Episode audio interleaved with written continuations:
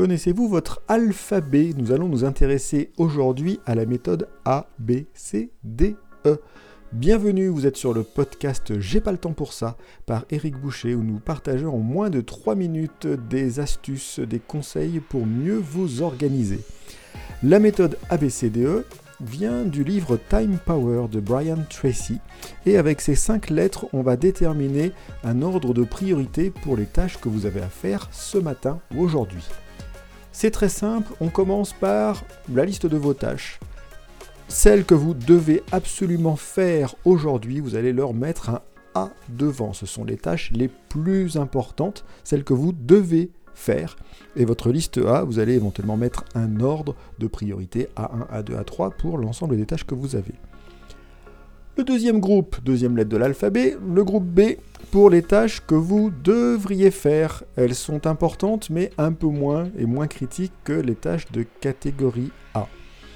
Nous avons ensuite la catégorie C qui, comme son nom ne l'indique pas, sont les tâches qui sont sympathiques mais qui restent en troisième priorité par rapport aux tâches de type A ou B. Il n'y a pas vraiment de grandes conséquences si vous ne les faites pas.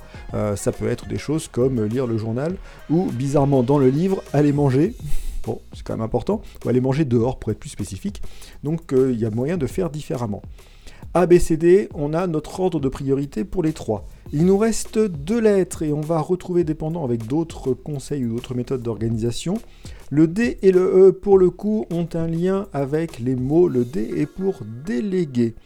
Quelles sont les choses que je peux déléguer euh, dans ma grande liste de tâches que j'ai à faire simplement parce que je n'aurai pas forcément le temps de tout faire?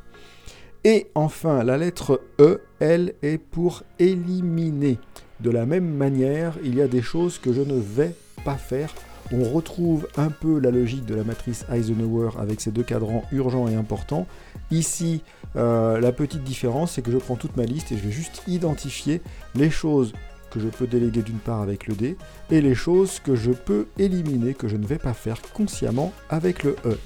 Vous reprenez votre liste complète, vous avez vos 5 lettres A, B, C, D, E qui vont déterminer à partir de là les actions que vous allez entreprendre dans la journée.